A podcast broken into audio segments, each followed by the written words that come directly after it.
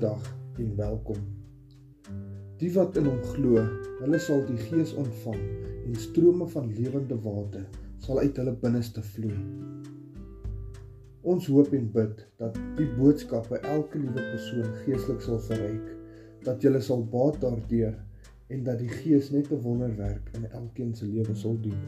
Amen.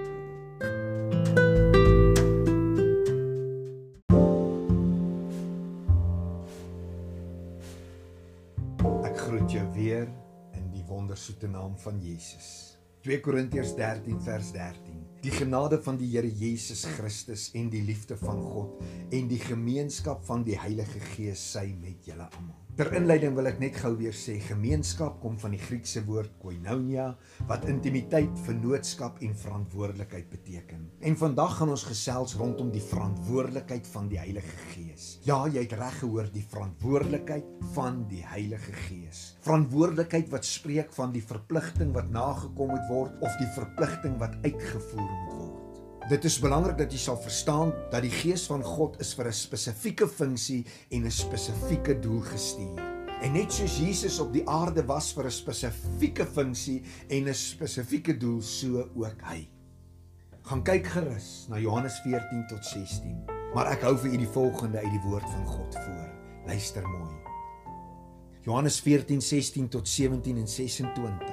Ek sal die Vader bid en hy sal julle 'n ander trooster gee om by julle te bly tot in ewigheid. Die Gees van die waarheid wat die wêreld nie kan ontvang nie omdat dit hom nie sien en hom nie ken nie, maar julle ken hom omdat hy by julle bly en in julle sal wees. Maar die trooster, die Heilige Gees wat die Vader in my naam sal stuur, hy sal julle alles leer en sal julle herinner aan alles wat ek vir julle gesê het. Maar as die trooster gekom het, wat ek vir julle van die Vader sal stuur, die Gees van die waarheid wat van die Vader uitgaan, sal hy van my getuig.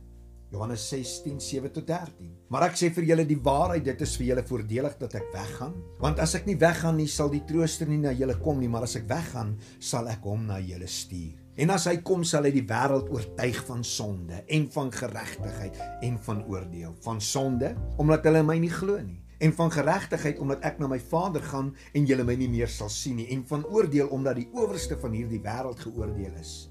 Nog baie dinge het ek om aan julle te sê, maar julle kan dit nie nou dra nie. Maar wanneer hy gekom het, die Gees van die waarheid, sal hy julle in die hele waarheid lei, want hy sal net homself spreek nie, maar alles wat hy hoor, sal hy spreek en die toekomstige dinge aan julle verkondig. Uit dit wat ons sopas gelees het, onderskei ek 10 verantwoordelikhede van die Heilige Gees wat ek net kortliks gou met jou wil deel.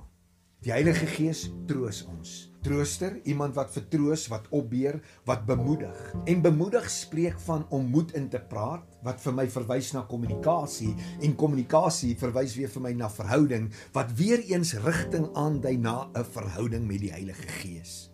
Kan jy sien dat die persoon van die Heilige Gees is iemand wat ondersteun? Met ander woorde, met hom in jou lewe is jy nie meer alleen nie. Met hom in jou lewe is jy nie meer alleen nie. En hy het hierdie verantwoordelikheid om jou te vertroos en hy wil dit in jou en my lewe doen as ons hom die geleentheid gee. Tweedens, dit is sy verantwoordelikheid om by ons te bly tot in ewigheid. Sy verantwoordelikheid om in ons woning te kom maak. Johannes 14:7 die see gedeelte sê omdat hy by julle bly en in julle sal wees. En as ek vandag verklaar dat iemand by my bly, dan beteken dit mos dit is hulle woning, want dit is waar hulle tans woon. En woon spreek van om in te woon. 1 Korintiërs 3:16 weet julle nie dat julle 'n tempel van God is en dat die Gees van God in julle woon nie om in te woon. Tweedens spreek woon van 'n permanente blyplek. Jy sien in die Ou Testamentiese bedeling het die Heilige Gees gekom en uit gegaan, maar hier in die Nuwe Testamentiese bedeling waarin ons onsself nou bevind, is hy hier om te bly, dis sy permanente blyplek. Hy gaan nêrens. Hy gaan jou nie drop nie. Hy sal altyd hier wees vir jou en vir my. En of hy deel van jou lewe gaan wees, is jou keuse. Maar weet dit, hy wil sy verantwoordelikheid nakom om woning te maak in jou. Derdens, hy leer ons. Hy's die een wat jou wil onderrig uit God se woord. Hy's die een wat die woord van God vir jou wil oopbreek. Hy wil jou leer wat pas en wat nie pas nie. En hy is die beste leermeester wat jy kan kry, want jy sien hy sal jou nooit op die verkeerde pad lei nie en sal aan jou openbaar wat God van jou vra, wat God van jou verlang en wat God van jou verwag. Dit is sy verantwoordelikheid om ons te herinner. En wanneer ons praat van herinner, is dit om te laat dink aan, om die aandag te vestig op of weer in die geheue te bring. Sê my, het jy al gewonder hoe die disippels alles kon onthou wat hy vir hulle gesê het? Ek meen, Jesus was 3 jaar lank saam met hulle en dit is 'n lang tyd. Kom ek maak dit vir jou maklik. Sê my wat jou man of jou vrou of jou kinders of jou ouers 3 jaar terug gesê het. Jy sien jy kan dit slegs onthou as jy constantly remind word, korrek? So hoe het die disippels onthou? Die Heilige Gees het hulle herinner. En dit is sy verantwoordelikheid teenoor jou en teenoor my dat hy ons sal kom herinner aan alles wat Jesus vir ons kom doen het. Dat hy ons aandag sal vestig op die Lam en die Vader en op wat hulle van ons verwag. Hy wil in die geheue bring waartoe hy as God in staat is in jou lewe.